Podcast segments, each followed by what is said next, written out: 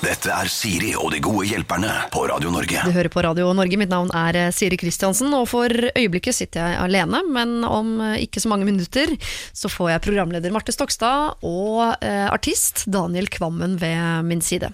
Vi skal jo eh, løse problemer vi, da, i dag fram til klokken 11, og også i morgen fra 9 til eh, 11, og jeg vil bare benytte anledningen til å si Tusen takk til dere som sender inn eh, problemer. Eh, jeg blir fortsatt overrasket hver eneste uke over eh, hvor velformulerte dere er, og jeg setter veldig pris på at jeg får lov til å liksom dypdykke inn i deres problemer, ofte da den litt vanskelige delen av livene deres. I dag skal vi annet treffe en jente på 28 år som er gravid med en fyr hun ikke har kjent så lenge.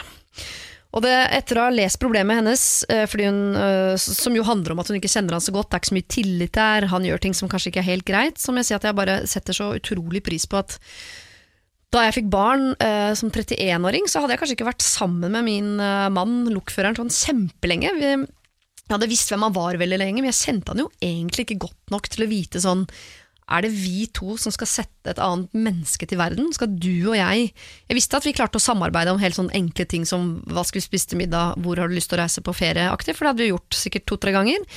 Eh, men at vi skulle klare liksom å bli enige om eh, alt fra fødsel til eh, oppdragelse, til valg av skole, barnehage, fritidsaktiviteter, pubertet, alle de tingene der. Det har gått greit så langt, eldste er ni, og vi har jo blitt sånn tålelig enige om det meste, men det er mye som bare humper og går òg, men at man liksom basert på en forelskelse skal klare å liksom bestemme at det er du og jeg som sammen skal ta store, viktige, vanskelige avgjørelser herfra og til evig tid. Jeg syns nesten det er et mirakel at det går bra så ofte som det gjør. Vi skal prøve å eh, hjelpe deg, jente 28, eh, litt senere i dag, men eh, fram mot det så skal vi innom en hel del andre problemer også.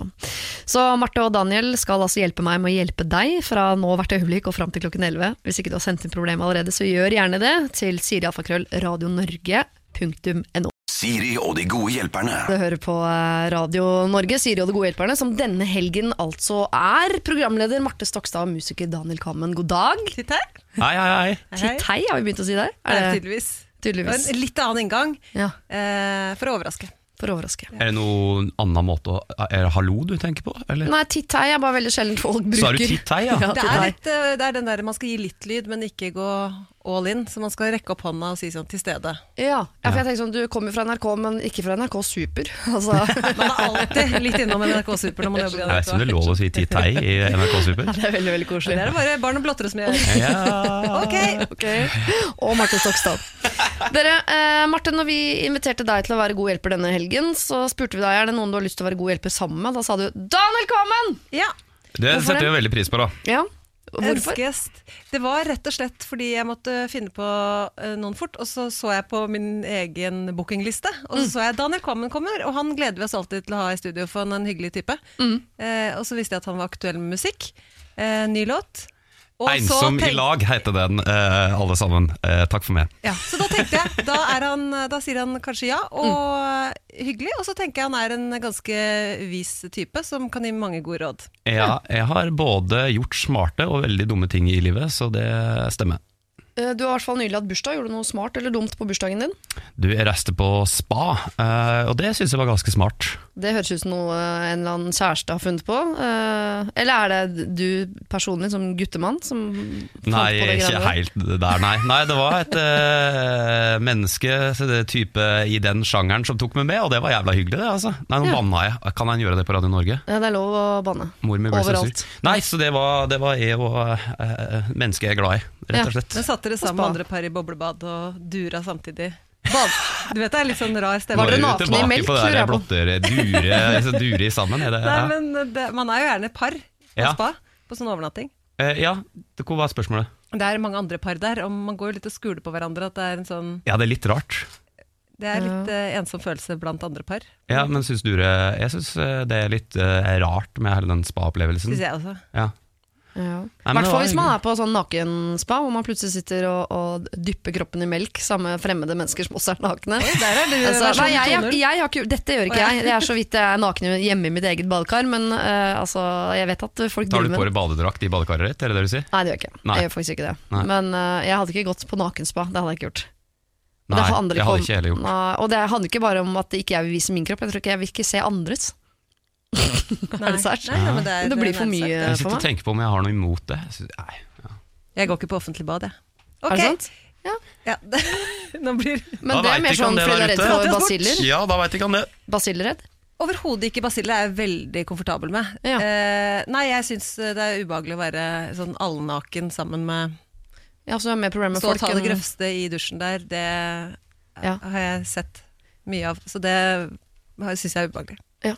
Hvert fall fordi det er mange som er så komfortable med det at de gjerne liksom, de tørker tærne først før de har tatt på seg trusa. Så det er sånn bøy og tøy-øvelser i naken. Jeg har sett altså- folk sette inn OB.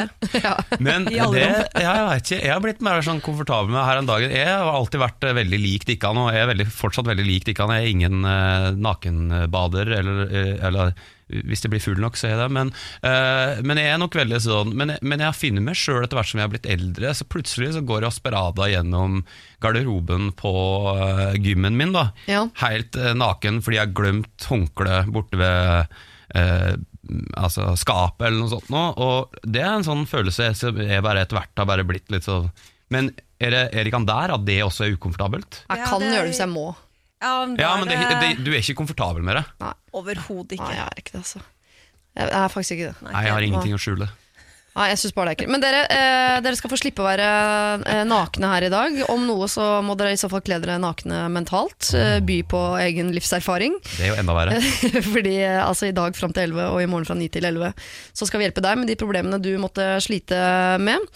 Så hvis ikke du har sendt dem inn allerede, så gjør for all del det. Min mailadresse er altså da siri at radionorge.no. Siri og de gode hjelperne.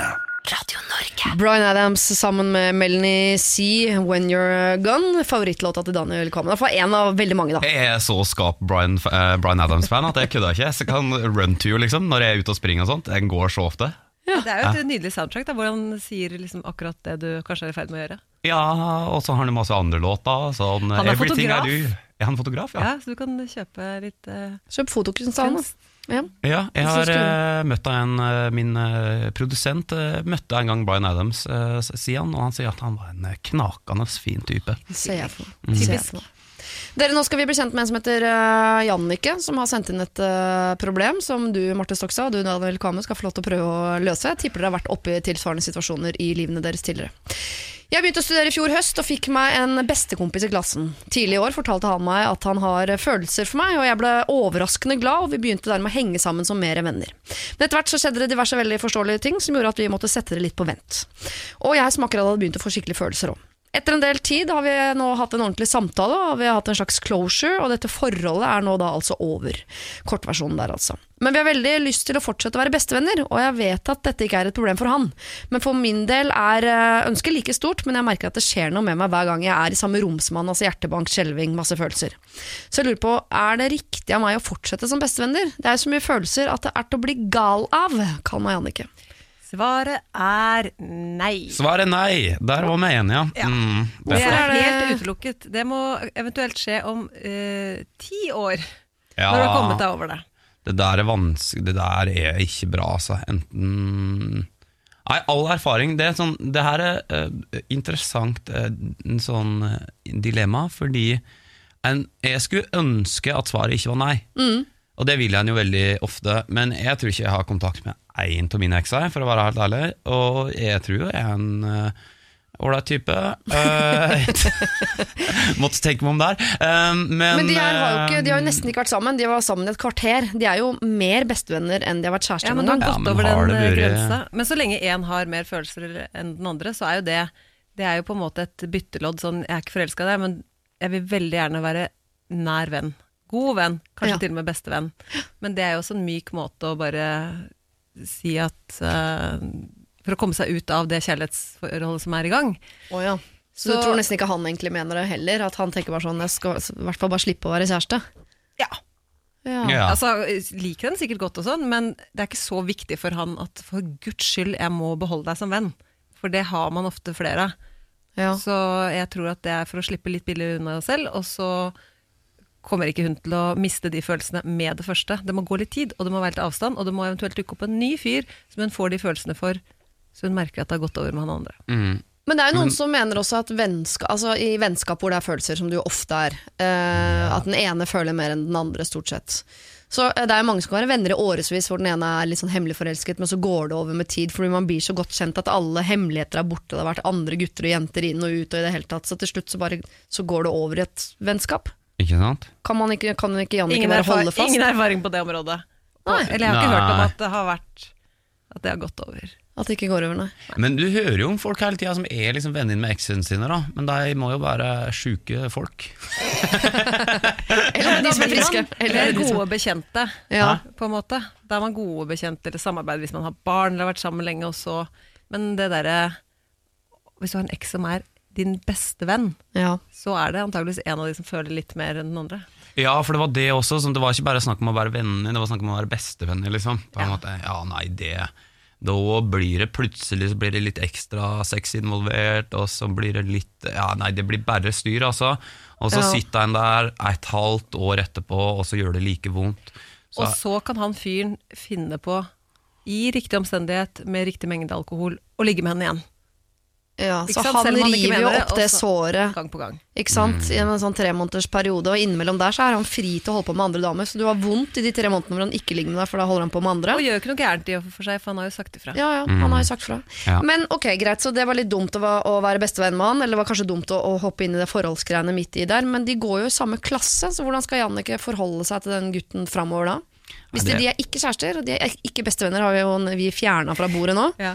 Så nå er de bare klassebekjente. Kompiser. Men da er det jo på en måte øh, Ideen er jo på en måte å holde en sånn kjølig, men cool distanse, der han er litt hyggelig. Og, øh, eller det her er sånn jeg opplever at jenter gjør det. er det ikke det? Sånn øh, eh, Ja, eh, hvordan går det med det i dag, da? Og Marte, og så er det sånn eh, Du, det går fint. Takk. Eh, Snakker sikkert. Og det ja. kan, kan det da føre til at han blir litt interessert igjen? Kan ja, det være men at ikke gjør det som taktikk. Må- Nei, nei. Mm. Men det, for det kan jo også være hvis han føler at her rusher vi litt på, og hun blir litt for intens. Og så er hun sånn hei, bare behandler han helt vanlig. Mm. Så kan det jo hende Uten at Jannicke, jeg vil at du skal tenke, bruke dette som strategi. Nei, nei. For eh, det er kanskje først når det virkelig går over at han da kan bli interessert igjen. Men nå skal, Ja. jeg, nå skal jeg være litt sånn djevelens advokat her. Da skal jeg si Nei, det er vanskelig, altså. Kjærleiken er jo utrolig kronglete, på en Ja. måte, så du veit jo aldri. Men jeg tror at uansett så tror jeg det å være uh, Fordi var det, var det sagt at hun ville ha han tilbake? Nei. Nei, men kroppen det. hennes vil jo det, ikke sant? Det er hjertebank, Ja. skjelving, Ja. følelser. Så uh, du er nok inne på det, altså, med tanke på at eh, hvis du i hele tatt Det er ikke noe god idé å være venn, bestevenner, og er du litt hypp på å få den tilbake, så er nok litt distanse også en veldig god strategi. Ja. Og da enten så går det over for din egen del. Eller så får du ha den på kroken igjen. Mm, ja, vi får se, vi får se. Nei, du syns ikke det var noen god idé? Ja, jeg, men jeg har ikke noen annen løsning eh, på det heller. Jannicke, jeg tror eh, rett og slett at det var ikke noen god idé å bli eh, bestevenner igjen. Eller det kommer dere ikke til å være.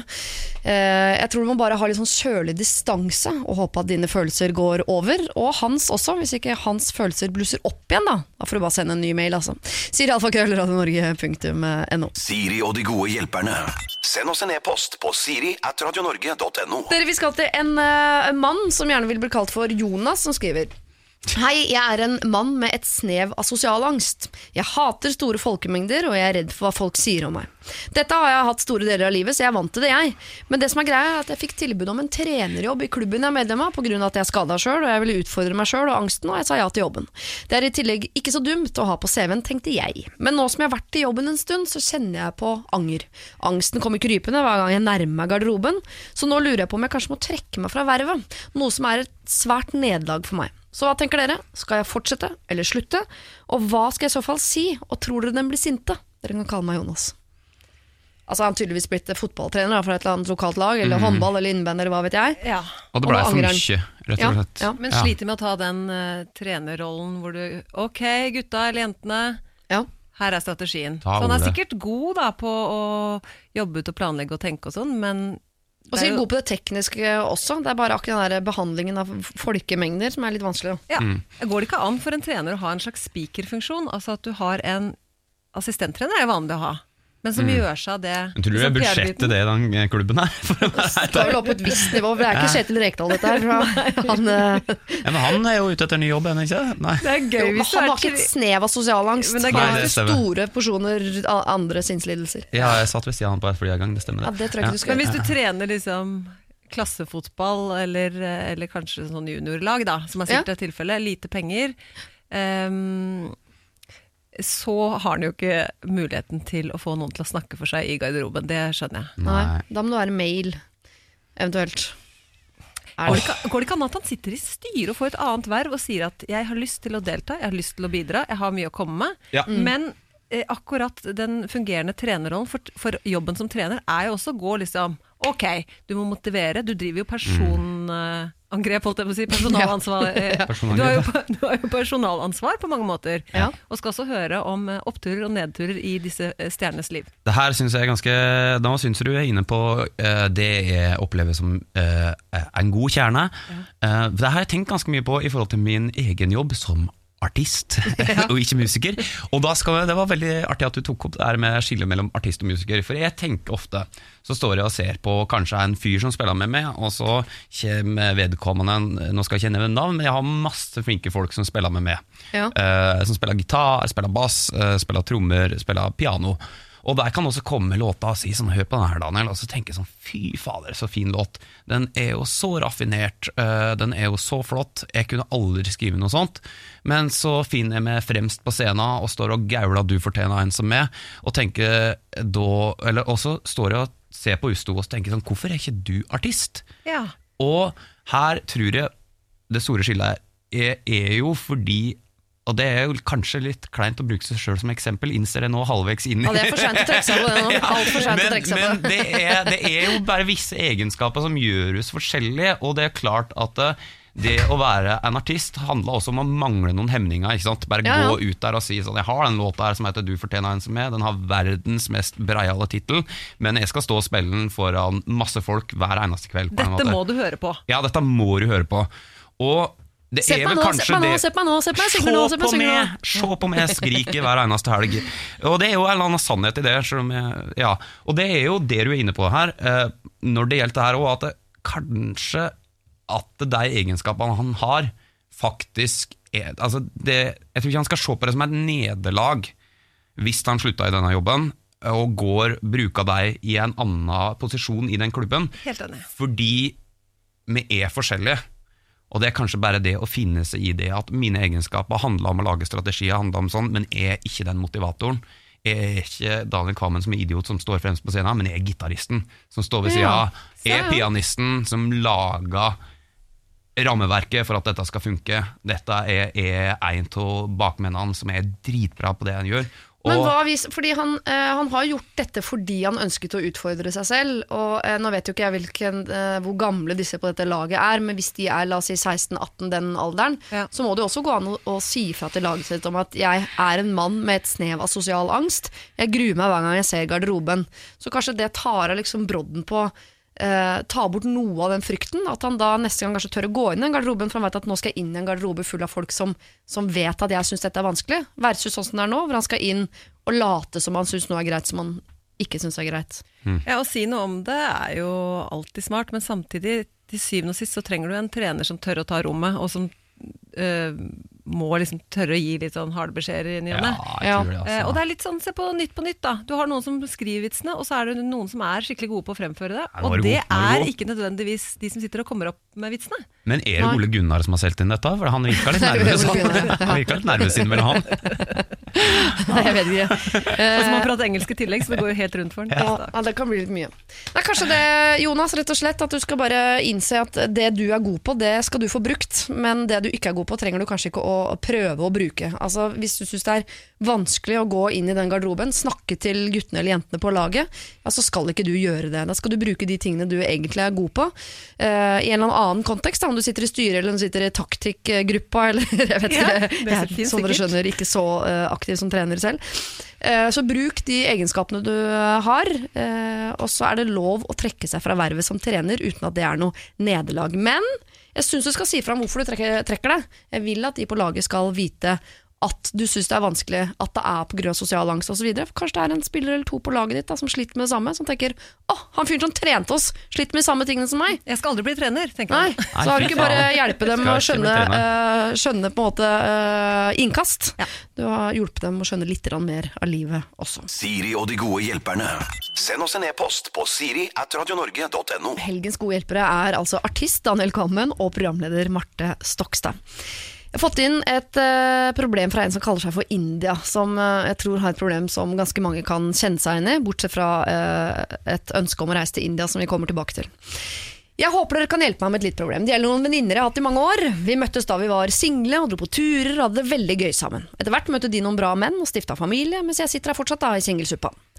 De er fortsatt gode venner av meg, og de siste årene har eh, det å møte dem vært litt sånn både og. De sitter stort sett og snakker om sitt, altså barn og interiør, og ser på meg med medfølende blikk som er singel. De kan si ting som 'Å, jeg er så glad jeg ikke er singel', altså. Gud, nei, hva skulle man gjøre, liksom? Så lenge siden jeg er singel, jeg hadde ikke ant hva jeg skulle gjøre. Jeg føler med deg. Fordi jeg ofte blir lei meg av å møte de, har jeg faset dem litt ut. Men problemet er at vi opprettet en reisekonto for noen år siden. Alle har nå autotrekk, og pengene går rett inn på en konto som jeg disponerer. Oi. Vi har nå over 10 000 kroner per person, og jeg har forsøkt å få dem med på tur, men de kan jo gud hjelpe meg aldri. Det er nja og nei, ja, det var mye den måneden, og i fjor skulle vi på fjelltur faktisk, sponsa da utelukkende av den reisekontoen, og det var den eneste ferieturen jeg hadde planlagt. Som singel kan ferie være litt trist periode, og det er lite som skjer. De avlyste rett før, fordi det var så godt å være litt hjemme med barna før man starta på jobb igjen. Jeg ble skikkelig lei meg uten å få noe medfølelse på de. Saken nå er at ett år etter har det fortsatt ikke blitt noe tur. Jeg har lodda stemninga, og de ønsker nå å dra på hotell og spise middag i byen vi bor i! Herregud, så gørr! Det gidder jeg ikke. Så nå lurer jeg på om jeg bare skal avvikle hele kontoen, ta ut mine 10 000 og reise til India en måned. Det er en stor drøm jeg har. Jeg har ganske dårlig råd, så jeg er avhengig av de pengene for å få det til. Hva tror dere? Er det kjipt av meg? Hvordan skal jeg få sagt det? Jeg tar pengene mine. Her er det deres penger. Sayonara, motherfuckers. Hilsen fra meg. Dere kan kalle meg India. Nei, her har jeg, her har jeg tydelig meninga. Her har jeg tydelig meninga. Altså, hvis det er foreslått å reise på hotell i byen der bor jeg, så er det bare å ta ut de pengene pronto. Altså, det mener jeg, ass. Det går jo f- Det er ikke noe alternativ. fader Men tror du småbarn altså Jeg er, er jo enig i det, men, Jo, men hvis de er midt i den småbarnsfasen hvor det liksom Foreslå Ja, reis, er- over, reis til Svinesund, da. Herregud. Altså, foreslå et eller annet Kjøben, liksom. Det er jo helt krise. ja. Går ikke an, gjør det. Nei, men jeg har tenker de har, de har brutt alle de avtalene allerede, og sånn selv med barn så går det an å gjøre ting. Kanskje de har, er i en fase hvor det er liksom veldig intenst med bitte små barn. Ja. Eh, antageligvis. ja, for det er en fase der man tror at absolutt alt i hele verden er umulig. Ja. Bortsett fra bare surre hjemme i onepiece og, og vippe ut denne puppen i ny og ne, Men det liksom. eneste hun skal gjøre, er å si Jeg har ikke unger, så jeg, dette det Det er er sånn mange som skjønner disse bildene. lyden Det er av sånn glidelås som går helt ned, Daniel Kvammen. Ja, Ja, altså, jeg har ikke noe imot en eh, pupp som blir vippa ut i ny og ne, men det, det sa jeg dessverre på radio. Ja. Det, det, hun skal si, det hun skal si Jeg har et veldig klart eh, ønske om hva hun skal si. Ja. Og det er vi begynner med forståelse. Jeg skjønner at det er vanskelig for dere. Mye lettere for meg, som har eh, mer fritid og har veldig lyst til å reise og ikke noe som holder meg tilbake. Eh, men akkurat de pengene vi har spart der, syns jeg blir litt dumt å bruke til hotell i egen by. Ja. Eh, så jeg har full forståelse for det. Kanskje når ungene deres blir litt eldre, så kan vi finne på et eller annet. Si fra, så er jeg med, men nå stikker jeg til India. ja. Ha det bra. Sayonara, motherfuckers, som Sa hun det. Ja. Og nå, nå, er du, nå er du god, og er det bare for å strø litt salt i såret her, men det høres vel ut som noen eh, men disse ungene nå prøver på en eller annen måte å kanskje ah, At det er kanskje ikke er så hypp på denne ferien, og at det er på en eller annen måte prøve å si pent Kanskje det er dette de er litt ute etter? Fordi ferie i egen by Ja. det er ganske tynt, altså. Jeg tror jo alle oppegående folk skjønner det på en eller annen måte. ja. Eller skjønner ikke folk med unga, meg- de som har unga, skjønte ikke de kan sånn Hvis jeg hadde sagt sånn Nei, bli med, sier Martin, og stikk med på ferie, liksom. Men jeg har det jo så hyggelig på Piraten. Uh, og så sier ikke han sånn Nei, du, jeg kan ikke, men, men vi kan gå på Fridays uh, nedpå Så grådig god smoothie der. Ja, jo. eh, er Men det høres det ikke ut som de vil, da. Nei, det, Det høres høres ikke ut som som de- vil, for å være helt ærlig. Det høres ut som det prøver prøve å få avvikla det på en minst mulig smertefull måte. Og det er skikkelig stygt å si, men det Jo. høres litt sånn ut. Jeg skjønner hvor den tanken kommer fra, men man skal være, passe seg litt for den også. Fordi det er jo sånn i vennskap at man, det går veldig i faser. Og hvis noen er i småbarnsfasen mens andre er i singelfasen, så virker det eh, vennskapet helt umulig. Og man tenker at det er ikke noe vits at vi er venner lenger. Og så sier man 'sayonara, motherfuckers'. Og så plutselig så går det ti år, og så er begge på samme sted igjen. Og tenker, Vi har jo egentlig masse felles, vi er egentlig veldig glad i hverandre, men vi, våre veier skiltes jo over eh, fordi jeg var opptatt av bleier, og du var opptatt av eh, glow sticks, liksom. Men jeg mener Jeg at bare du må jo ikke si motherfuckers til slutten. For at du, må, du må ikke gjøre det slutt her på vennskapet. Nei, enig, det er viktig. litt eh, ut. Nå passer det dårlig, jeg drar til India. Eh, håper vi får til en tur på et eller annet tidspunkt.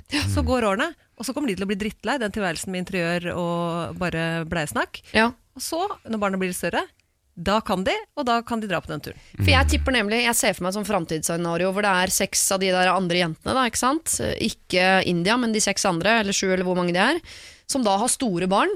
eh, og som har dødslyst til å dra en uke til New York for å få fri fra tenåringene og gubben de er lei av, liksom. Eh, Men da har India en liten ettåring, og kan ikke skjønne hvorfor de har lyst til å reise noe sted. Skal ikke bare være her, ikke sant? Det er hotell her i kommer- byen, si. Ja, da er det India som foreslår hotell her i byen, for det virker mer praktisk. Fordi de er sikkert en hel gjeng som er helt enige med at det de tenker nå, det er det som er riktig. For de sitter jo og surrer hverandre opp i Ja, og så kan det jo være at eh, de, har, eh, at de skjønner at jeg har lyst, men jeg får det ikke til. Eh, Mannen er komfortabel med å være hjemme alene med disse barna i to uker, eller hvor lenge de har tenkt å være borte. Mm. Så prøver de sånn, men eh, hadde det ikke vært fint gjort noe i nærheten? At de har egentlig lyst, men Ja. akkurat nå passer det ikke. Så hvis hun bare viser forståelse for at jeg skjønner at det er eh, mye kok nå, er ikke fullt så mye kok i mitt liv, så jeg napper ut de 10 000, så kan dere kjøpe noen nye vogner og kose dere på Fridays. Og så eh, starter vi en ny reisekonto når dere Ja, for jeg syns de skal fortsette med autotrekk. Jeg mener at Det de å spare møtes på uansett. La oss si at de er fra Stavanger, da. Så møtes de en kveld. Alle får 10 000 hver, for det er det de har på kontoen nå. Mm. Deler ut 10 000 til hver. Og så går de ut og spiser en bedre middag i den byen de bor i. Og hvis disse mødrene har lyst på en natt på hotell, så kan de jo gjøre det. Men eh, India trenger ikke å sove på hotell, hun har jo hotell hjemme. Det er jo ikke noen folk der som plager henne. Eh, så hun tar med da de 9500 som er igjen etter den middagen, drar til India. Ja. Mens de andre har brukt kanskje 2500 på hotell og middag. Er ikke det en god eh, liksom, Det er. Jo. Det er, gyllen middelvei? Og Perfekt. det kan jo faktisk hende at hvis hun drar ut de pengene, eh, eller trua veldig pent, da, på sånn som du sier, på en sånn veldig ålreit og omgjengelig måte, at da plutselig kommer returen og sier sånn Nei, men du kan ikke dra ut de pengene. Det er jo hus. Så hvis de er ordentlige venner, så kommer jo det svaret da òg. Å, herregud. Nei, men da, India, da får du eh, hilse fra Marte, Daniel og meg og si at alle er helt enige om at de, de 10 000 de skal ut og være med meg til India. Det har du da 100 dekning for her hos oss, i hvert fall. Eh, Så det slenger du bordet og trumfer med, da. Jeg syns egentlig du har løsningen. Du skal til India, du skal bruke disse pengene. Det eneste du ikke skal, er å si 'sayonara, motherfuckers'. For en vakker dag så kommer dere til å være på samme sted, og da kommer dere også til å være venner igjen. Siri og de gode hjelperne. Akkurat eh, nå så sitter jeg, eh, Siri Kristiansen, her alene. Marte Stokstad og Daniel Kvammen har fått en liten eh, pause. Fordi jeg vil at vi skal rette blikket tilbake til 13.-14. april, hvor Ingeborg Heldal og Vita Mashadi var mine gode hjelpere.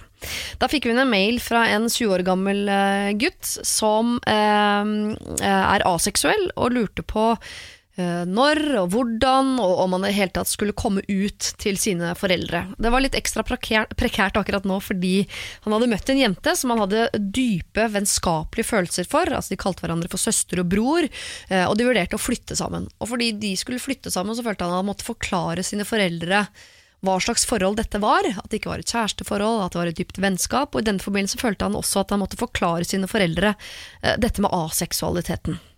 Jeg spurte Vita og Ingeborg hva de mente om det, og du skal få høre noe av det. Kan han ikke bare si at han har fått seg samboer, da?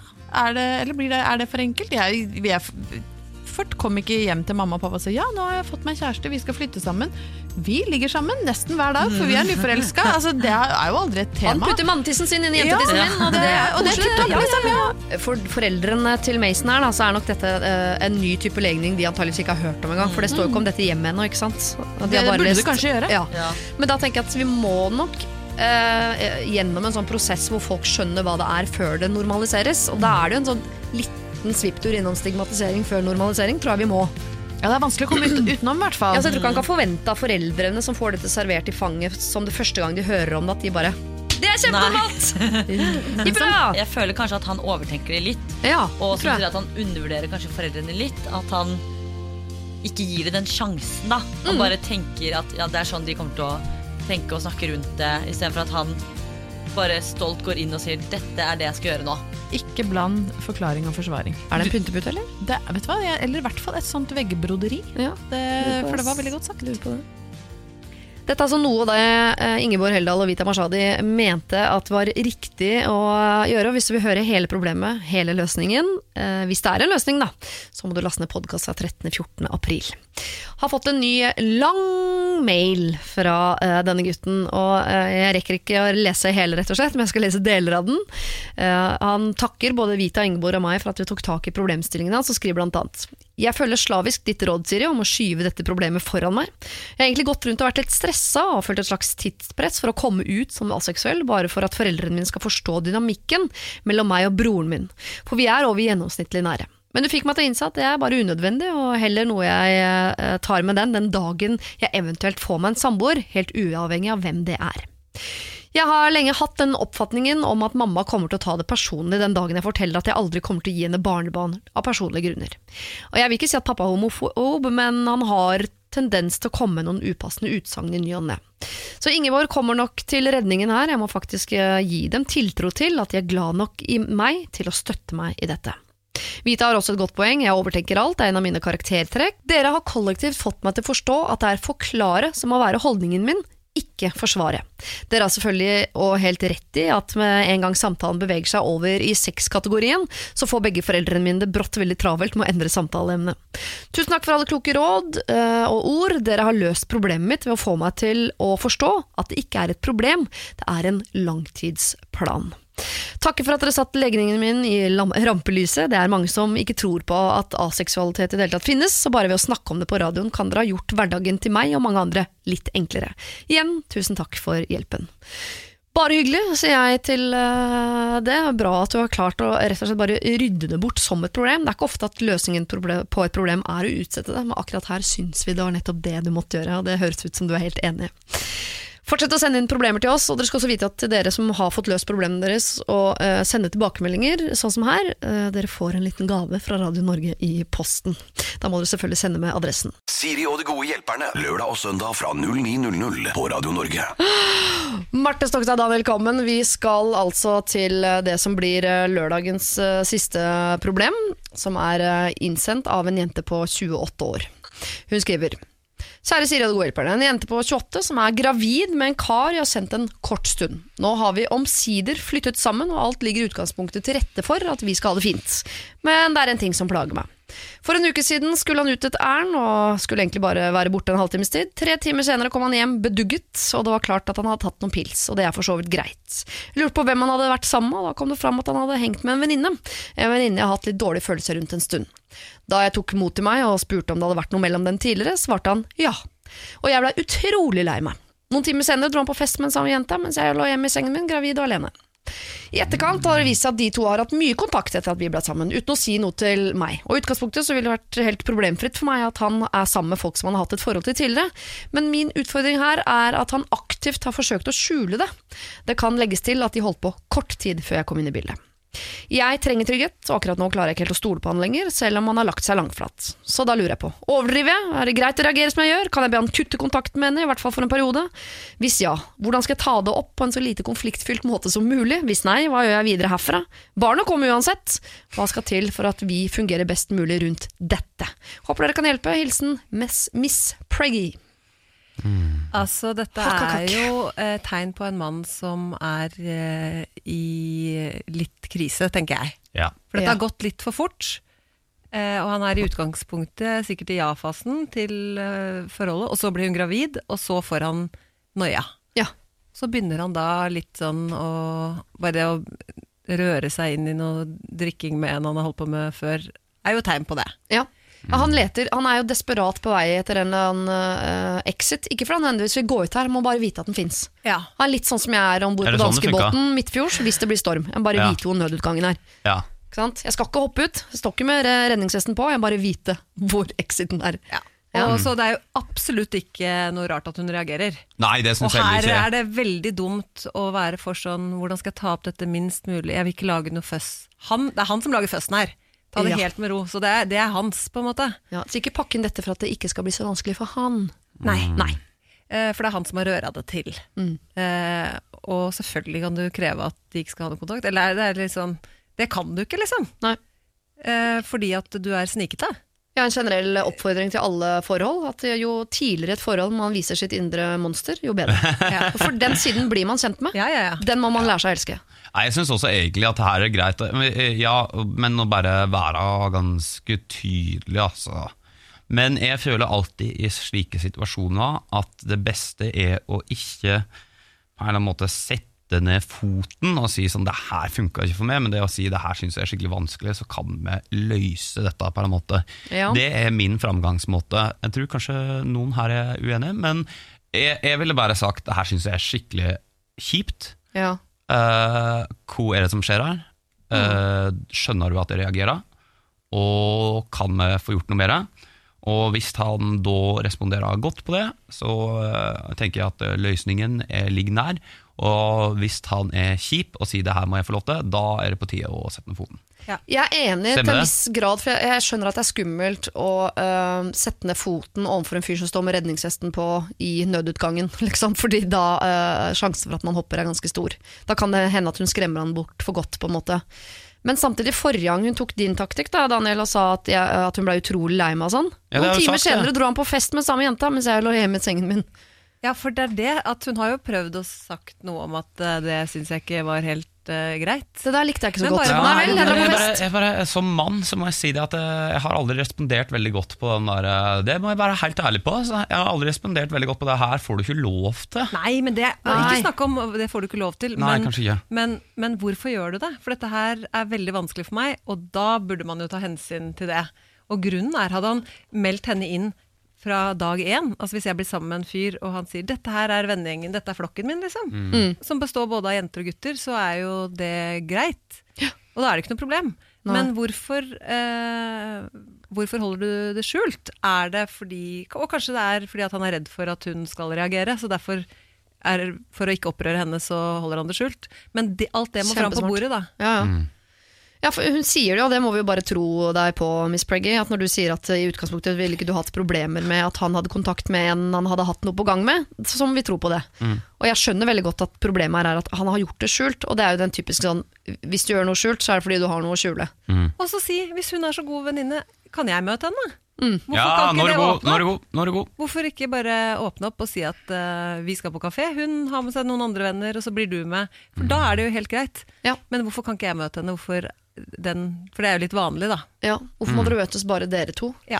Men tror vi, bare for å berolige Miss Preggy litt også på at uh, den, det han driver med nå, eh, kan det, Det trenger være ikke være så farlig, nei. Nei, for det kan hende at når det barnet kommer og liksom, det blir helt sånn reelt, liksom, så kan det hende at sånn Han er over, kan seg, være en liksom. større krise enn det Ja. han eh, For han skal være Altså, trygg og fin hjemme, og bare 'Dette barnet her, dette, alt kommer til å gå fint', og så går det litt i svart i hodet hans. Så kanskje han må gjennom en sånn periode hvor han, Ja, han må vet skrike at- litt i dørene. Ja, ja, ja. Nå har han fem måneder igjen liksom, Ja. av livet hvor han uh, i det hele tatt hvor han, I hvert fall nå føles det sånn. Han har det fem måneder igjen av livet hvor jeg i det hele tatt kan gå på kafé og ta tre øl med en uh, venninne. Liksom. Ja. Og så er det slutt. Dette så kan, kan- lande, dette kan lande veldig, veldig bra. Ja, det tror jeg òg. Og, men altså, er, det, er det lov ok, Nå bare drar jeg mannsstereotypene her, men er, hun, er det ikke sånn at han blir veldig emosjonell da, når han er i denne fasen med at eh, denne babyen er inni seg og sånt? Så det, ja, ja. det er jo mulig at det også er eh, mye følelser. Jeg skjønner at det er, det er liksom varsko her og her, men det trenger ikke være så ille. Men eh, det kan jo hende hun hadde reagert altså Uansett om hun er gravid eller ikke, men du er på vei inn i noe, og så er det den derre ja, Det er en jeg har hatt et, Apropos det vi snakka om i stad, med å være venner med eksen og sånn. Hvis det er så kort siden, tid siden dere hadde et forhold, og så skal dere begynne å gå på kafé igjen nå, når vi akkurat er på vei inn i noe, så er det litt sånn rar prioritering. For det kommer Absolutt, til å tulle absolutt. med hodet ditt. Liksom. Ja, jeg er helt enig, helt enig at det er rar prioritering. Samtidig at jeg må jo uh, støtte mannen her. Det er ikke sikkert han forstår alt som foregår av hormoner og følelser. Og det, uh, ikke sant? det er litt vanskelig å sette seg inn i det kaoset som foregår. Men jeg syns at Miss Preggy, du må skaffe være veldig tydelig på at akkurat nå er jeg full av hormoner og eh, jeg er redd og trist og føler meg alene og alt er Ja. nytt. Og nå, nå, nå trenger jeg deg mer enn ja. noensinne. ta på en med, måte. ta meg med, liksom introdusere oss da. Ta meg med, ta meg med, ja, ta meg med på date med din date Nei. Men dette her, vi håper at dette her ordner seg. Vi håper dette bare er en sånn liten fase i denne mannens uh, liv. Ikke sett ned foten, da kan det hende at du uh, skremmer han til å hoppe, på en måte. Uh, det har jeg da Daniel Kammen sagt, som eneste mann i Urven. Jo, men altså sånn, ja, ikke sett ned foten, det kan hende at han, at han bare reagerer negativt på det. Men vær veldig tydelig på hva du føler, og spør om hvorfor han må treffe og sånn, og foreslå at dere skal treffes alle sammen. Hvis dette er en venninne, så kan det vel bli en venninne av deg òg. Siri og de gode hjelperne.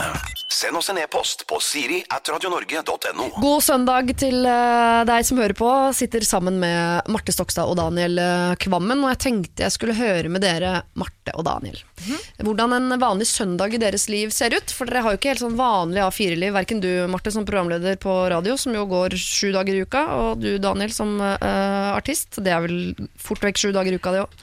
Jeg ser for Ja. at vi er helt like søndager, Daniel. Ja, du tror det? Vi starter tidlig. Når, når jeg og Marte står opp, så Så er det egg og bacon. Eh, nei, vanlig søndag er eh, nettopp det. Kaffe, egg, bacon. Allfrokost med gjerne litt eh, mye folk. Eller alle folkene som er i familien, da. Det er jo mye folk. Ja. Eh, og så forhåpentligvis ingen planer. Nei. Man skal finne på ting. Har du sånn eh, rundt trebrett som du kan snurre rundt til frokosten? Sånn pizzabrett? Pizzabrett. Ja, Bruker du ikke det til pålegg på søndagsfrokosten? Nei, det er en av de tingene som eh, går i konteineren med jevne mellomrom. Sånn oh, ja. tacobrett og pizza. Som altså det er lurt hver gang man går gjennom Ikea, så kommer man hjem og tenker man sånn Oi, 90-tallet ringte og ville Vi trenger ikke å rulle rundt på den, Nei, det- Har han ikke arma? Har han ikke den norske armen på søndag lenger? Den norske armen. Ja, Ja, sånn grabber over bordet. Grav, grava til seg, som man sier. Marte har ikke norske armer på søndager. Da er det er, mexicana. det er hverdags for meg. Mexico! Nei, jeg, jeg, før var søndagen som, Da jeg var singel, så husker jeg søndagen som veldig trist dag. Ja. Jeg gikk ofte på visninger på leilighet jeg ikke hadde råd til å bo i, og lata som. Bare for å håpe at det var noe gratis Ja, frukt der og sånn? og så gikk jeg og satte meg på, på et sted og drakk kaffe. Mm. Kanskje over i øl. Og så ville bare at dagen skulle forsvinne. Oi. Nå elsker jeg den. Ja. Ja. jeg har alltid elsket søndager. Ja. Jeg må si det at jeg har nok Dette har jeg tenkt på, fordi jeg har to sånn betraktninger om søndager. Det ene er at den, den reelle søndagen, som faktisk er en søndag, altså i dag, da, den går veldig ofte med til å sitte i bil fra et eller annet spillested. Mm. Og bare sitte og sånn kjøre hjem fra gig. Du, sitter, du har vært i Arvedal, det er fem timer hjem igjen. Og du sitter uh, og innom en uh, taco Nei, en eh, te, te, texaco. Texaco. Texaco. Texaco, Eh, ja. Og få oss noe kaffe, høre på noe musikk. Og så er det bare å komme og legge seg. Så jeg har liksom ikke søndager på den måten. Nei. Men så er jo ofte mandagen, da. Liksom den ordentlige søndagen. Det er din søndag, ja. Ja, Så da bare våkner jeg opp, og så kan jeg ligge til 11-12, og så går jeg ut. Men da er jo alle i gang. Så jeg får liksom Jeg får, jeg får gleden slash eh, Jeg vet ikke om det er en glede, men det er liksom glede, for jeg kan bruke mandagen både sånn Jeg kan velge og også jobbe og liksom Ja, skjønner Ja, du hva det er starten på uka og sånn brette ermene opp, eller bare flatdag. Ja, det er liksom ikke noe stress om jeg bare tar med den mandagen innimellom. Hvis det gir mening. Ja, ja. Men, eh, ja. Men kan du noen gang kjenne på det, for jeg har fri på mandager. Da kunne jeg også ha begynt på du vet, det der, eh, alle de bokprosjektene og de tingene man tenker at man skal gjøre med livet sitt på et eller annet tidspunkt som bare blir liggende. Barneboka som alle har spurt om du kan skrive. ja, for eksempel den der. Herregud, jeg har så mange barnebøker. Men så er det veldig deilig også bare å ha det som sånn, mandagen som sånn ekstra søndag, helt for seg selv, med barn på skole og alt mulig. Så bare, men ja, da føler jeg meg ofte litt ubrukelig på slutten av dagen. Ja, det er jo det han ender opp med, da. Ja. rett og slett. Og så begynner han å stresse over at han ikke har betalt den regninga, og det skulle han gjort den dagen. Også. Ja, for det hadde du tid til den mandagssøndagen din, på en måte. Ja, jeg hadde jo det, Ja. på en måte. Rett og slett. Ja. Så jeg skjønner hvor du mener. Da har vi litt blanda følelser rundt eh, søndag. Eh, Jeg håper du som hører på har en fin søndag. Vi skal jo prøve å løse problemer da, fram til klokken eh, 11. Så hvis du sitter nå og har en eh, såkalt vanskelig søndag, vanskelig helg bak deg, eller en vanskelig uke foran deg, så benytt anledningen til å skrive problemet ditt eh, ned på en mail og send det til meg. Sier alfakrøllradionorge.no. Radio Norge. Sens Anadana, altså Zucchero og Paul Young. Jeg kan jo fortelle at Sens Anadana betyr uten en kvinne. Hvis dere lurte på det. Hørtes det ikke ut som det var dit han endte opp på den låta der, for å si det slik. Nei, kanskje det er en sånn gay love tribute, hvem vet? Jeg har Ja, ikke satt meg så det. mye inn i teksten, men uh, tittelen på, tittelen på låta da, tilsier jo det. Kanskje Sukker og er homofil. verden, i, i alle fall. Kanskje Sukker og Paul Young har et homofilt forhold. Det vet vi ikke. Alt er lov. ja, fordi, ja, ikke sant. Ikke sant. Ja, ja. Jeg har nylig funnet ut at min hund er homofil. Det var en artig Eh, opplevelse. nei. Jo da. Men det eksisterer Jeg, jeg får faktisk Jeg vet ikke om det eksisterer i dyreriket, men uh, vi hadde besøk av en annen hund, og, som også var hannhund. Og det kosta ganske greit, for å si det sånn, i to ganger 45 minutter for alles skue. Så Wow. da lærte både jeg, min mann, min sønn og min datter oss et og annet for fremtiden. Jeg kan skyte inn at jeg, sånn, jeg har jo sluppet musikk, bare for å få nevnt det. Jeg har sluppet en ny låt sammen med Eva Welskram, den kan alle høre på. Ja, eh, Takk. Markedsavdeling til Kvam der. Men da hadde jeg en sånn Q&A for en stund siden. Da fikk jeg veldig mye sånn spørsmål om sånn om jeg ikke kunne være eller var litt skeiv. Og tenkte sånn, kanskje jeg, jeg driver og slår meg opp som sånn eh, homofilt ikon? Ja, kanskje det. Ja, hva tror du ikke om det? Det, er- så jeg er åpen for det, men, men, Ja. men Det jeg betyr jo bare et større publikum, spør du meg. Ja, nei, jeg, jeg ble veldig smigra, altså. Ja, ja, ja. Så hunden din er mange som synes det er bare. Jeg kan passe på den. Ja. Ja, Kanskje du kan lære litt av hverandre? ja. Hvem vet? Han går vel på kamen, kammen, han òg. Dette, dette er den verste formen for snikskryt jeg noen gang har gjort. Via en hund og noe Nei, men jeg syns det var så fascinerende. Da. Altså, Ja. ja. Ja, nei. Dere, Vi skal over til noe helt annet. Noe som er, altså det handler om noe virkelig noe helt annet. dette her. Eh, Det er et problem som kan være litt vanskelig å forstå, fordi det er noen, satt opp noen regler her av innsender okay. som jeg ikke er helt sikker på om fins. Men vi prøver. Hei, jeg vokste opp med min far min mor og søsken. Jeg har god relasjon til både søsken og mor, men aldri hatt en god relasjon til min far. Han har vært mye sint og skremmende hele min oppvekst. Han og mamma er nå skilt, og noe som er veldig lettende for meg. Jeg ser pappa ca. to ganger i måneden. Men det er mer av forpliktelse enn noe annet. På sikt så er jeg usikker på om jeg vil klare å ha kontakt med han. Han har nå giftet seg på nytt og fått tre barn. Problemet er at jeg begynner å bli veldig glad i dem, og de blir glad i meg. Og de lurer på hvorfor ikke jeg kommer oftere. En del av meg vil omfavne denne søskenkjærligheten, men en annen del av meg vil holde det på avstand. For jeg vet jo at jeg en dag vil bryte kontakt med pappa, og da må jeg bryte kontakt med dem også. Er det urettferdig overfor dem å knytte disse båndene nå? Skal jeg prøve å holde de på avstand, eventuelt bryte kontakt med pappa tidligere enn jeg må? For om jeg bryter kontakt med pappa, er det ikke aktuelt å fortsette relasjonen med mine småsøsken. Men jeg får så dårlig samvittighet. Han har ikke evne til å forstå hvordan jeg føler det rundt vår relasjon, eller forståelse for hvordan hans uh, atferd påvirker andre. Hilsen anonym. For, Men hun Men de en reglene de er jeg ikke enig i. Nei, ikke sant? At, Det var det eh, jeg fordi om du har kontakt med far eller ikke, så de søsknene har jo ikke noe med det å gjøre. Ja, det hørtes veldig rart ut. Nå. Hvor gammel var hun?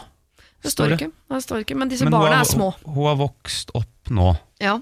La oss si at hun er um, Hadde hun flytta ut? Sorry, jeg fikk med, det ble så voldsomt. Nei, hun bor ikke med faren sin, i hvert fall. hun besøker Ja. ham bare to ganger i måneden. For han har gått videre med Jeg ny kone tenker jo at eh, å bryte Jeg tenker det er litt eh, det, det er noen som skiller seg, som sliter med å dele omsorgen. Og noen har nesten ikke kontakt, men de greier å samarbeide sånn noenlunde om barna likevel. Gjør det kanskje mye på mail og litt sånn som ikke er helt gunstig, men allikevel. De får det til. Ja. Det er jo litt samme her, at hun kan si til han "Vi- vår relasjon er så komplisert at uh, det funker ikke for meg, men jeg vil gjerne se småsøsknene mine. Så da må hun bare rett og slett uh, ta på seg et ansvar mens de er små, da. Låne de en dag, finne på et eller annet, ha det litt på overnatting, etablere et forhold.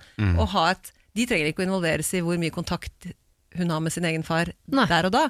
Dette snakker de om når de blir voksne. Mm. Takk for meg. Ja, nei, jeg er ganske enig. Altså, det, det var jo Eller uff, det der er vanskelig, da. Fordi det er halvsøsken, Ja. ikke sant. Så hun har satt det her reglene at hun vil bare bryte kontakt totalt. da.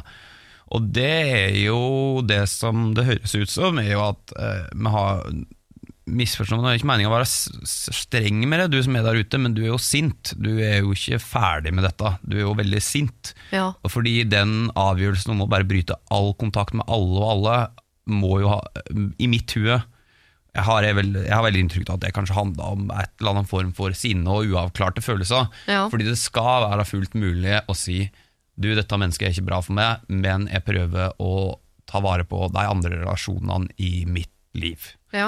Det er vel også det egentlig de kan si.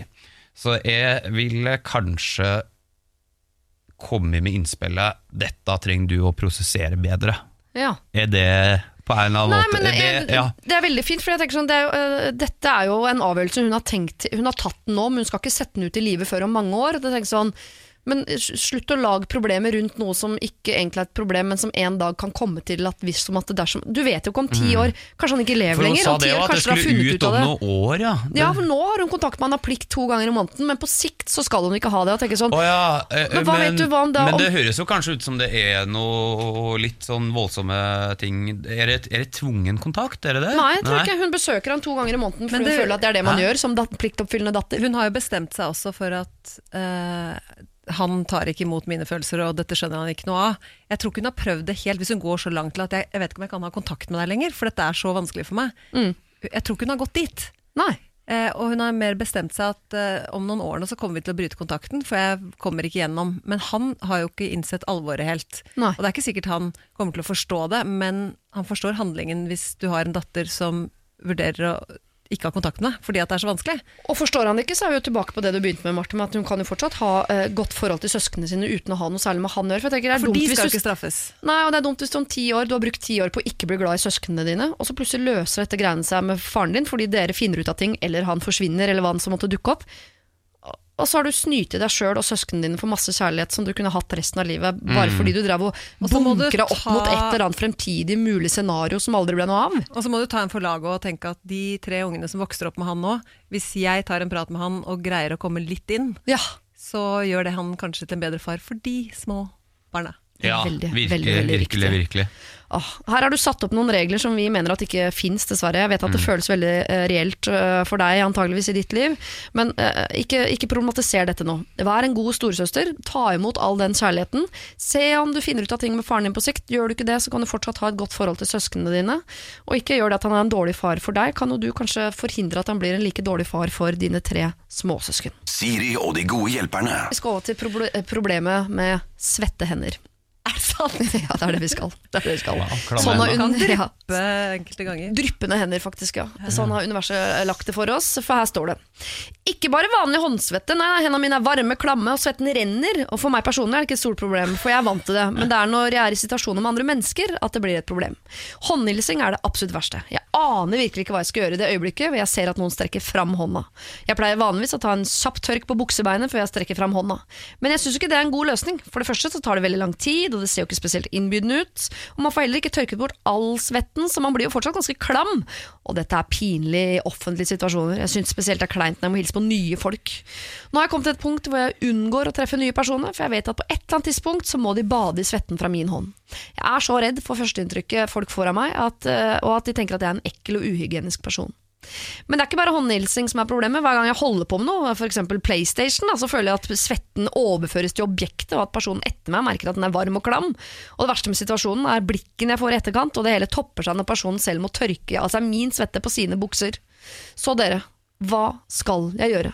På forhånd tusen takk. Uh, Helsen Svette-Marit, som hun har kalt seg. Nei. Og hun har masse eksempler på ting uh, man kan gjøre, men hun og det må jeg bare si, det tror jeg alle egentlig vet at verken du Daniel Kammen, du Marte Stokstad eller jeg har noe sånn medisinsk bakgrunn. Annet enn uh, brukere av medisiner. Men Så vi kan ikke hjelpe, vi kan ikke hjelpe henne med, eh, med svette hender, men Nei, vi kan hjelpe henne hadde- i disse situasjonene. Hva For jeg hadde gjøre? tenkt å si at det fantes vel noen piller for sånt, men nei. det skulle jeg, var Ja. mitt første innspill også. Men jeg tenkte før hun sa at hun var svett over hele kroppen, så tenkte jeg gjør som meg. Jeg er jo en klemmer, så når noen strekker fram hånda, så ja, ja, ja. Går Så går man eh, i klem. Men det er jo egentlig fordi at jeg er usikker på om jeg har hilst på folk eh, tidligere eller ikke. Så da går jeg i klem Altså, jeg kan klemme folk på skolen som andre foreldre, for jeg tenker at du, har, du er sikkert en forelder i klassen. Det var du ikke. Men hei på deg, hvisker jeg inn i øret. Og så går jeg videre. Du er fra PPT-tjenesten. Jeg skjønner. Jeg skjønner. Men eh, hvis du er svett over hele kroppen, så gjelder jo dette også rygg, kinn, eh, nakke og hals. Antagelig. Jeg har hørt Jeg Liker jo ikke å forherlige Botox, men jeg har hørt at det hjelper mot svette. Nå er du inne på medisinen igjen, da. Ja, Jo, for det- det skal er man jo- skyte Botox i Nei, men hendene? folk får det under ar setter det under armen fordi at det hemmer de der svettetestenkaten. Jeg vet ikke. Ja. Eller er dette sånn som eh, kvinner på vår alder har funnet på for å unnskylde Jeg skulle gjerne ikke tatt Botox, jeg er ikke, er ikke en sånn en, men jeg, eh, det hjelper mot migrene og Jeg svetteproblemer. svett i panna. Men jeg tror, eh, punkt nummer én, jeg mener at det finnes en pille for alt. Så jeg tenker gå til legen og, Og sjekk det. og, sjekk det. Ja. Eh, hvis ikke så tenker jeg lær av fjellklatrerne da vel, og ha en liten pose med talkum. i, rundt beltet. Du Ja, for sånn, det ja, når eh, Hvor du har sånn pulver som eh, gjør at du ikke blir eh, glatt Ja, ja. i håndflata når du skal klore deg fast i fjellveggen. Ja, for dette synes jeg var vanskelig, Fordi det her skjønner jeg Jeg skjønner at dette kjennes som et ekte problem. Eh, eller det var et ekte problem. Men ja um, Nei, det er kanskje å finne seg en rutine på uh, dette, da, på en eller annen måte. Sånn Ja, Hvis det er håndsvetten som er hovedproblemet sånn i dagliglivet, Ja. kan du ikke ta på noe sånn eh, pulver. Jo, det skulle jeg tro. Det skal jeg tro. Og bare sånn, ta med seg en klut og Misforstå meg rett, men jeg tenker at Ta med det er så, klut? ja, ta med, Gå rundt med et Som om ikke Far min er sånn Som et vått lommetørkle i Far min er sånn der, verdens største sånn, eh, lommetørkelfyr. Jeg vet ikke, Han veit ikke hvorfor, men han er har alltid lommetørkle er med seg overalt. Liksom, så jeg bare helt sånn der, Så nå skal vi sende Sette-Marit ut i, i hverdagen med en sånn talkumpose hengende i beltet og sånn lommetørkle i lomma? Så man Ja. begynner å gå med fjellklatresko fordi at du skal hele tiden være på vei ut i veggen. Ja. Nei, men du, ja, du, sorry, at jeg, sorry at jeg har så mye talkum. Jeg skulle bare bort her og klatre litt bort borti veggen. Hva er det aldri gjorde? Dukker opp i en fjellvegg. Ja, men eh, jeg syns at det som er viktig å påpeke her, er Ok, dette er et problem, men fy faen, det kunne vært så mye verre. Du kunne vært, du kunne vært dødelig sjuk, du kunne ikke truffet folk i hele tatt. Jo, men det kunne Så- man sagt om kjærlighetssorg og alt annet vi snakker om her. Liksom. Ja, ja, ja, men poenget er at dette her er jo veldig vondt for henne, og hun laga så masse barrierer i livet. Det her er så eh, Poenget er at det er liksom vanskelig å løse, men vi er jo inne på talkum, og jeg tror at dama har sikkert eh, tydeligvis eh, en del sånn medisinske greier som hun er villig til å gå etter. Ja. Jeg syns at du skal vurdere det. Eh, Ikke gjør noe som på en måte påvirker resten av ditt liv, på en måte, men vurder noen piller eller noe sånt hvis det fins. og så er det veldig viktig i sånne situasjoner når ting er vanskelig, å bare si til seg sjøl Du veit hva, eh, det blir bare verre at jeg gjør det her til greie. Og da er bare lag, lag noen løsninger på det. Ta med deg et håndkle, tørk det.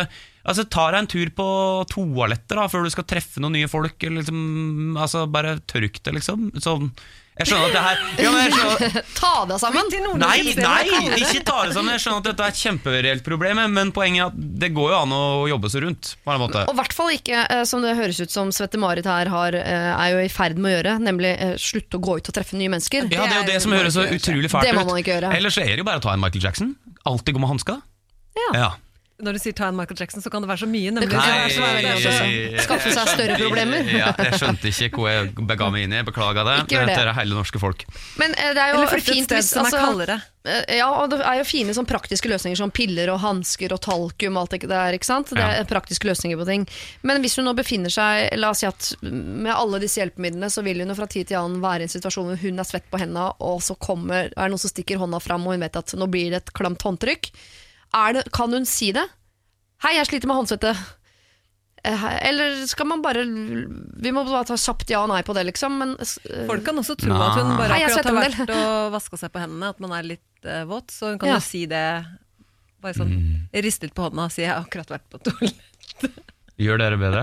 I det sånn. mye dårlig Nei, jeg syns ikke hun skal si det. Jeg syns, hun finne, jeg syns at hun skal finne seg en sånn rask rutine på å bare tørke seg på hendene, eller noe sånt, nå, og så Ja. skal hun vite veldig godt med seg sjøl at dette er ikke et så stort problem som hun vil ha det til. Kanskje Ja. heller gå inn i redesigna klær og så sy inn sånne frotélapper på eh, jeansene, sånn at hun på en måte har et Jeg stopper dere der, jeg. Okay. Sette-Marit, nå er altså Daniel og uh, Marte så ute og sykler på redesigning av klær og Michael Jackson, og du skal late som det er urin og det hele. Så jeg tenker, Gå til legen. Nei, nei, nei, nei det er ingen som Vi sagt det. spoler tilbake, uh, og så sier vi det vi egentlig sa innledningsvis. At her, sjekk om det fins en pille. Jeg har lovt meg selv å aldri si som eh, råd i noe som helst radioprogram, men uh, gjør det da. Sjekk om det fins en pille. Siri og de gode hjelperne.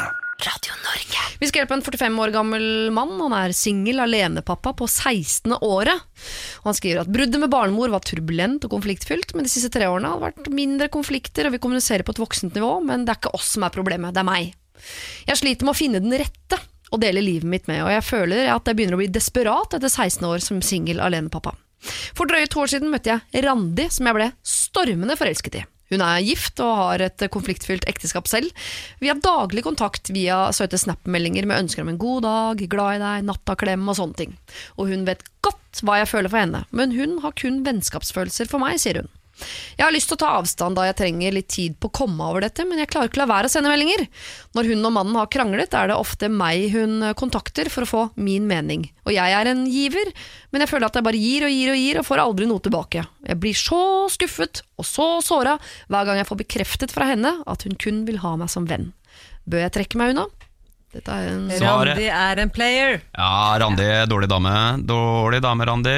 Eller var det en god Eh, dame som tar dårlig valg, Daniel? Ja, det er jo viktig. Det er lov, det er lov å være det òg. Og det er ofte for, Ja, ingen Folk som har det vondt. Randi har det vondt, da gjør han dumme ting. Ja. Det vi er har veldig en viktig å huske på. Vi har en player og en giver, da. Ja, er det men hun står jo midt oppi et kjørt ekteskap uh, selv, og vil jo I sitt liv så trenger hun bare en hun kan sende melding med som uh, heier på henne, og hun kan si hva som skjedde i en krangel, og så tar han hennes parti, osv. Så, videre. Mm. så hun bruker jo han, kanskje ikke bevisst, men som en litt sånn eh, koseklut i sitt eh, litt triste liv. Ja. Ja. Eh, så det må han eh, innse. Det er funksjonen, og den funksjonen kan ikke du ha. Nei. Ja, for det er veldig Og- slemt av henne, men hun klar, kommer jo ikke til å klare å stoppe det så lenge han står og gir og gir og gir. og gir. Så det er han det som må slutte å er- gi. Ja, for det poenget er at uh, han har ikke noe kontroll over det. Nei. Eh, og det er så svaret er jo ja. Han må jo bare kutte dette, fordi det er helt åpenbart at hun ikke har helt eh, At hun ikke er noe kul med han. Mm. Men det tror ikke hun har evnen til å skjønne sjøl på dette tidspunktet. Og hvis du har et håp om at eh, det en gang skal bli dere, så er det større sannsynlighet for at det skjer hvis du kutter all kontakt. For det kan få henne til å gjøre ting. Det har så mye effekt, Kanskje. det der å bare kutte Ja, ja, kutt, kutt. Kutt, det, kutt. Men du kan dra det ut i tre, fire, fem år, og så får du deg ikke noen ny kjæreste, Mm. og så kommer det ikke til å bli dere. Mm. Men fordi Det er vel vanskeligere også for han, hvis han er på jakt etter den store kjærligheten etter 16 år som singel, og i det hele tatt ha øynene åpne for uh, hva som finnes der ute, hvis, når han bruker så mye energi på denne Randi. Mm. Man kommer jo ikke til å bli forelska i noen andre. Altså, du er jo da følelsesmessig opptatt. Ja. Og det er det som skjer i et forhold når en begynner å skli ut, f.eks., så er det jo fordi at du er på et eller annet plan litt på utkikk, og da dukker de opp. Ja. Og han er jo ikke på utkikk. Så han greier jo ikke å se, han kan jo date så mye han vil, men han kommer ikke til å se dem så lenge denne Randi står og blokker. Ja, og sender Mm. en nattapus. Åh, Ikke sant? ikke sant? ja. Så det må, det må blokkes og kuttes, og han må slette nummer og alt. Og det her høres ut som han er Som han sier, han er en giver. Eh, han sa vel sjøl at han er problemet. Altså, jeg tror vi har s- sånn som er Av den lille infoen jeg har fått her, så høres han altfor snill ut. Ja. Han bare gir og gir og gir og gir. Det er ingen kvinnfolk som bare vil ha giving. Vil Nei. Men er det litt sant? Er det litt sant? Han må Altså, jeg Helt føler sant. at det er ikke Det var en kvinnfolkkommentar fra en fyr fra bygda. Det skal vi på en måte holdes for gode. Men sannheten er jo at alle forhold, uavhengig av kjønn, trenger å være gi og ta. Ja. Og nå bare gir han, og han gir og gir. Og, Og det er ikke så tiltrekkende. Nei. Her må vi på en eller annen måte skape noe friksjon. Ja. Samtidig som hun har jo eh, sagt fra, eh, og hun har sagt fra flere ganger, skal dere vite, eh, mailen var lenger i sin tid, Eh, hun har sagt fra flere ganger, hun sier fra ca. tre ganger i året eh, til han om at hun ikke har noen følelser for han utover det å være venn. Ja, men da, Så hun har jo gitt beskjeden, og Ja. han fortsetter jo å sende nattameldinger, glad i deg-meldinger. Ja, nå må du skjerpe deg. Ja, Altså, han må bare kutte cold turkey, liksom. ja, fullstendig. Og han må ta den avgjørelsen eh, uten at han henger med selv følelsesmessig. Altså, han må bare bestemme seg for at det er det han skal gjøre. Selv om kroppen stritter imot og har lyst til å svare på de meldingene, så må han på en måte finne en uh, slags uh, vegg å mure seg fast i. Men skal han uh, Nei, men altså, han Finn en vegg å og mur seg- fast. ja, men som, unngår, liksom, som binder hendene hans litt. Ja. Fordi at han må ta den avgjørelsen på et overordna plan, selv om ikke hjertet følger med. For han har lyst til å svare. Ja. Han har lyst til å fortsette med de meldingene, for det er et lite håp om et eller annet. Ja, ja, ja. For ellers så blir det helt stille. Men det er jo da de andre dukker opp. Det er da du begynner å se krydder i nabolaget. Eh, Krydder i nabolaget, fy fader. Det er ny datingappen hans. Krydderet i nabolaget. Ekstremt lokal eh, Tinder. Men eh, et spørsmål til slutt av ja- og nei-karakter. Skal han si fra om at nå trekker jeg meg helt ut, eller skal man trekke seg ut? Nei, kanskje han bare skal strekke seg litt unna? Eh, Nei, jeg, jeg syns at eh, Men vi er ikke på litt unna her. Vi er på eh, hvis Nei, skal men trekke bare seg ut, sånn- Nei, man skal sende plutselig. en, jeg sender- tenker sende en melding at eh, sånn føler jeg det. Eh, lykke til, men eh, dette går ikke lenger for min del. Å, ja. Av hensyn til meg selv så stopper jeg det her. Ja. Og så Det her- slette nummer, forsvinne. Ja, det her syns jeg ikke han får svare på som mottakere, som kvinner. Ja, Ja. rett og slett. Ja, og så må man ikke vente på svar. på det må ikke gå i dialog igjen da. Nei, nei, nei. Det må være den avslutningsmeldingen. Eh, ha det, nå sletter jeg nummeret ditt, så ikke svar eller send noe melding. Men sånn er det. Prekast. Men da må du holde det også. Da må ikke det være sånn, sånn liten tease, liksom. At det er sånn Nei. Ikke snakk til meg! ikke snakk til meg! Å, du snakket til meg! Ok, ja, vi snakker litt. Altså, og så tar du deg til bar overkropp, og så setter du på den låta her. bør jeg trekke meg unna? Svaret er ja, og ikke bare litt. Du skal trekke deg helt ut. Og ikke ha mer kontakt med denne Randi. Fordi selv om du er en giver, så er hun en player, og dere to har ingenting med hverandre å gjøre. Du har ikke godt av henne, og hun har jo litt godt av deg. Men det kan ikke vi ta hensyn til. Siri og de gode hjelperne. Lørdag og søndag fra 09.00 på Radio Norge. It's My Life synges det, No Doubt, hørte du altså her på Radio Norge. hvor Jeg sitter sammen med Marte Stokstad og Daniel Kvammen, og jeg skal stille dere et spørsmål. Eh, disse spørsmålene finner jeg på hver uke. De er eh, med vekslende hell, og her kommer det altså fra toppen av mitt hode. eh, dere får beskjed fra uh, Gud, for eksempel. Han ringer en dag og sier Oi. at uh, eh, dere må å slutte med det yrket dere har. Eh, Marte får ikke lov til å jobbe på radio lenger. Daniel får ikke lov til å drive med musikk lenger. Nei, nå må du gi det, nå går det. Hva driver dere med da? Hva hopper dere Nei, over på? Fy fader. Nå, det her gidder jeg ikke. Gidder du ikke? Nei, det ja, da gidder du ikke leve. Da sier du Gud, ta send heisen din ned, jeg vil opp. Kjære Gud. Jeg har svaret klart. Jeg har snippetaska mi, nå går det. Jeg eh, kunne da tenke meg å bli psykolog. Men det er lang utdannelse, så derfor hadde jeg nok endt opp som coach. For det er ikke beskytta tittel.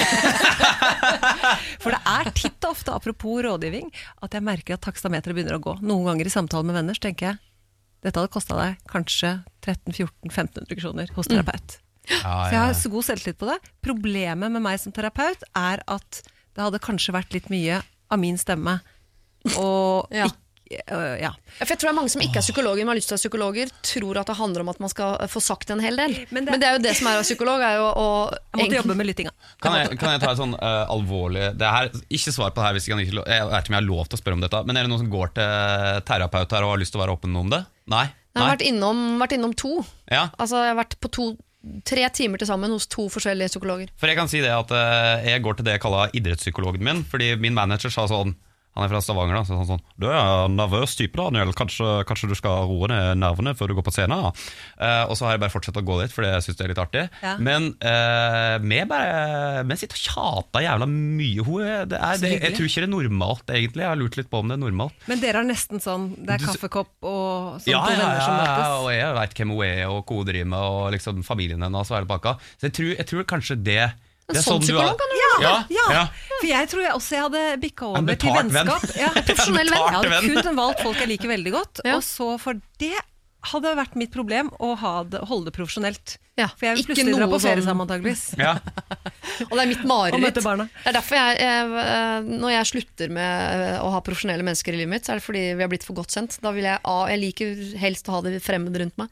Sånn PT og Ja, ja, ja. altså, hvis, jeg hvis jeg hadde gått til psykolog, og det ble snakk om noe sånn felles, hoppa av med en gang. ja det, det hadde du ikke giddet. Nei, jeg orker ikke. Altså, Jeg vet hva jeg hadde gjort Er det hvis det ikke profesjonell venn det kalles? Profesjonell venn, på en måte? Ja, det tror jeg. Det er heller ikke beskytta tittel. PV. PV. Det er gøy, marked. Men du da, Daniel? Du kan Nei, ikke være altså Jeg har nå eller funnet ut hva jeg kommer til å gjøre når jeg blir artist. For jeg kommer jo til å bli så deprimert av det. Jeg kommer jo til å gå til Marte Stokstad og gå i terapi hos Marte Stokstad. Og så sier jeg noen dager, vet du hva, i dag blir det øl. I dag blir det øl. Her, Men hvor henter du pengene fra som du skal gi rett videre til din profesjonelle venn eh, Marte? For hun du, eh, er sender faktura om gaffel. gaffel. Det er noen tonopenger som ruller inn fra Ja, ja, ja, de altså, slagerne du du har laget. fortjener en som med den dregen, det er kronen, det er resten av livet, det er, for å si det sånn. Ja, men Det kommer til å surre og gå lenge. Alt. Om jeg ikke har en råd til noe annet, så skal jeg betale Marte for dette. Du skal skynde deg å skrive en julelåt før du gir deg, liksom. Så det kan det rulle og gå. I wanna go home. Coverlåt til den. Jeg kommer ikke til å være så dyr heller. Men Nei. altså, snakke, snakke, snakke. du må ta det betalt, da. Absolutt, men jeg kommer til å føle at jeg overskrider profesjonaliteten veldig ofte, så derfor blir det tilbud. Jeg tror ikke det er noe fare, folkens. Jeg tror eh, du Daniel kommer til å være artist så lenge du lever. Jeg tror du Marte Stokstad kommer til å være programleder så lenge dere lever. Men hvis ikke, så vet vi at uh, Marte blir profesjonell venn, og det er Daniel Kvammen som betaler. Ikke sant? I Så wanna go home dere holder Marte. eh, hverandres hjul i gang. Det syns jeg er hyggelig å tenke på. Siri og de gode hjelperne. Send oss en e-post på siri at radionorge.no.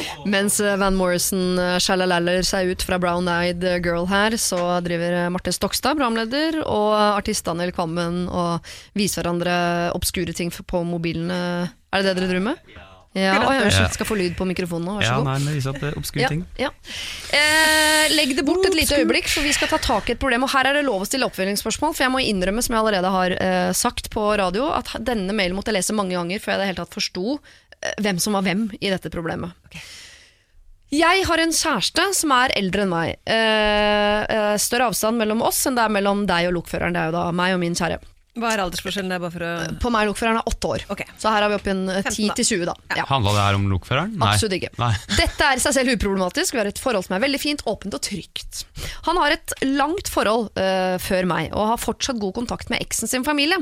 Og det er i stor grad hyggelig, men jeg har alltid følt at den ene søsteren har vært litt kald og avmålt mot meg. Det har ikke jeg brydd meg noe særlig om, og jeg koser meg i den familien og deres selskap uansett. Men for litt siden fikk jeg vite hvorfor hun er så kald mot meg. Hun tok nemlig min kjæreste til side en litt fuktig kveld der jeg ikke var med, og fortalte da til min mann at han var og forble eksens store kjærlighet. Jeg er ikke redd for at de to skal bli sammen igjen. Forholdet var slutt flere år før min tid, og jeg vet at, uh, at det ikke var et godt forhold. Det var også eksen som gikk fra han til fordel for en annen mann som hun fortsatt er sammen med. Men der min mann er livlig og sprudlende, er han ja, veldig kjedelig, da. Ikke så snill.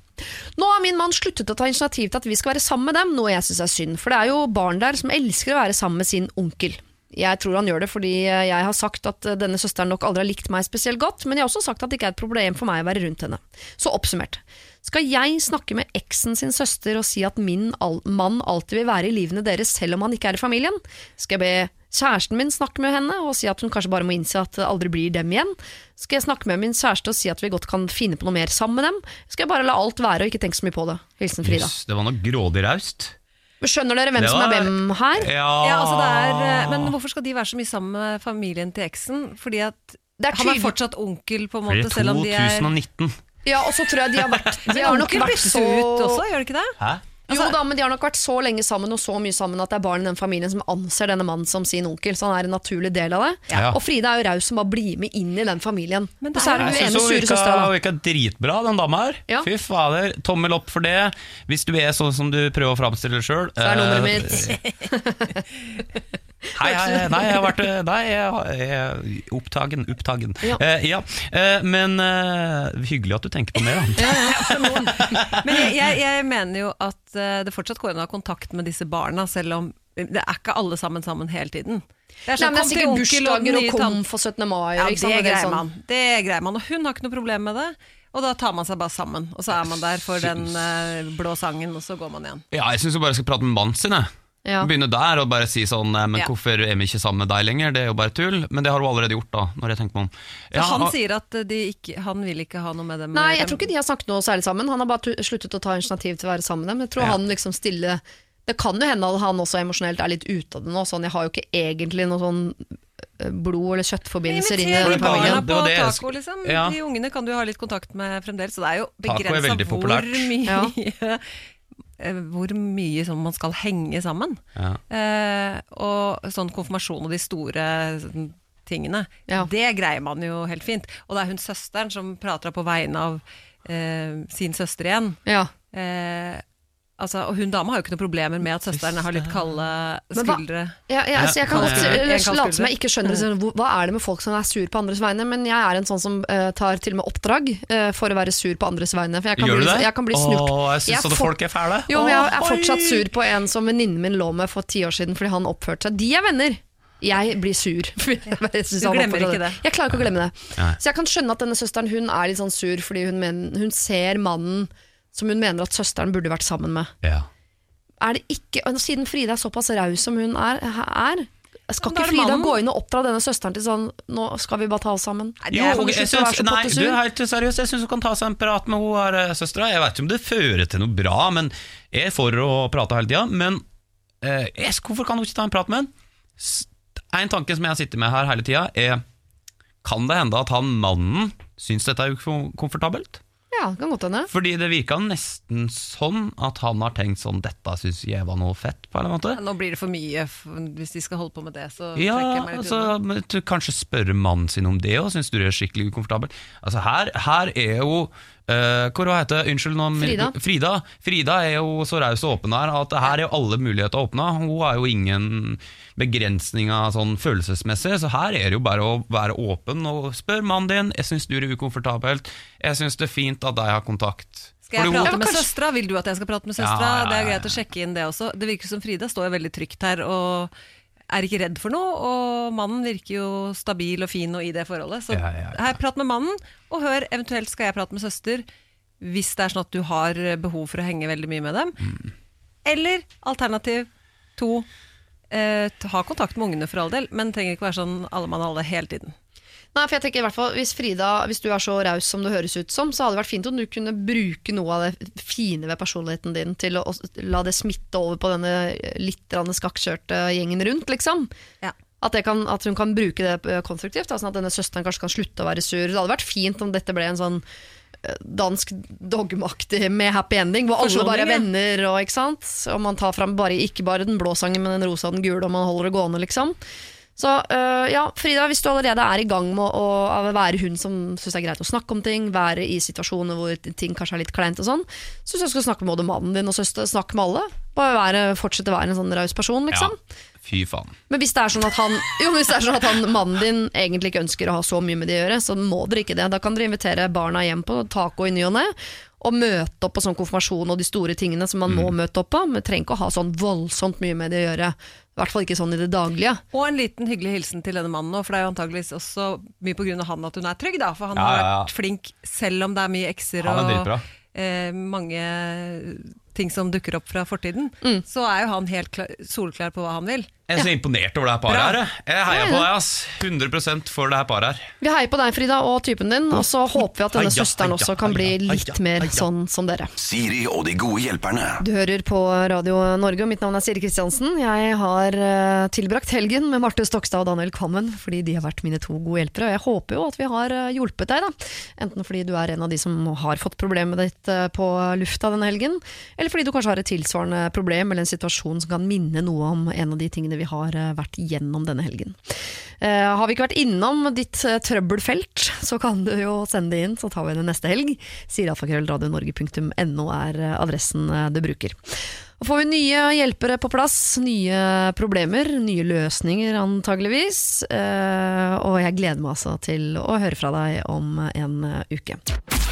Dette er Siri og de gode hjelperne på Radio Norge.